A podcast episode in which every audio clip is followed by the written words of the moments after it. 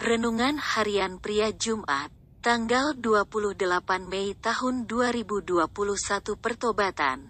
Jalan naik ke atas Yunus 2 ayat 2 dan 3 katanya.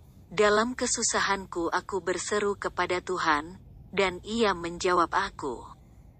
Dari tengah-tengah dunia orang mati aku berteriak dan kau dengarkan suaraku. Telah kau lemparkan aku tempat yang dalam, ke pusat lautan, lalu aku terangkum oleh arus air. Segala gelora dan gelombangmu melingkupi aku. Anda dan saya dapat belajar dari kisah kehidupan Yunus yang lari dari panggilan Tuhan dan tidak mentaati perintahnya. Kehidupan Yunus yang tidak taat kepada Tuhan bukannya tetap naik ke atas tetapi turun ke bawah. Dari Niniwe yang ada di atas turun ke Tarsis yang ada di bawah. Yunus turun ke ruang kapal yang paling bawah. Yunus 1 ayat 5b dan turun lagi ke dalam laut bersama ikan yang menelannya. Tetapi puji Tuhan, akhirnya Yunus bertobat dan kembali kepada Tuhan. Tetapi aku, dengan ucapan syukur akan kupersembahkan korban kepadamu, apa yang kunazarkan akan kubayar. Keselamatan adalah dari Tuhan. Yunus 2 ayat 9. Sebagai hasil dari pertobatannya, Tuhan memerintahkan ikan itu memuntahkan Yunus ke darat, naik ke atas.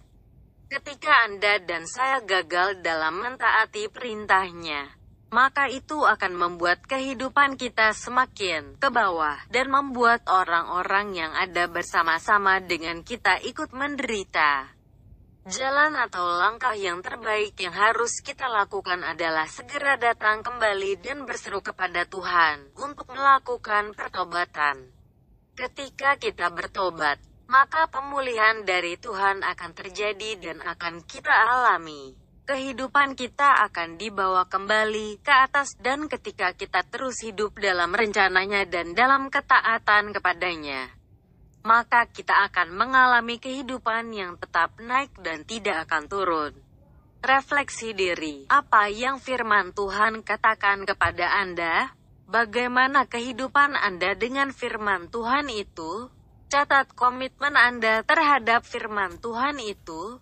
Doakan komitmen Anda itu. Pengakuan imanku, dengan pertolongan Roh Kudus, saya hidup dalam pertobatan setiap hari kepada Tuhan.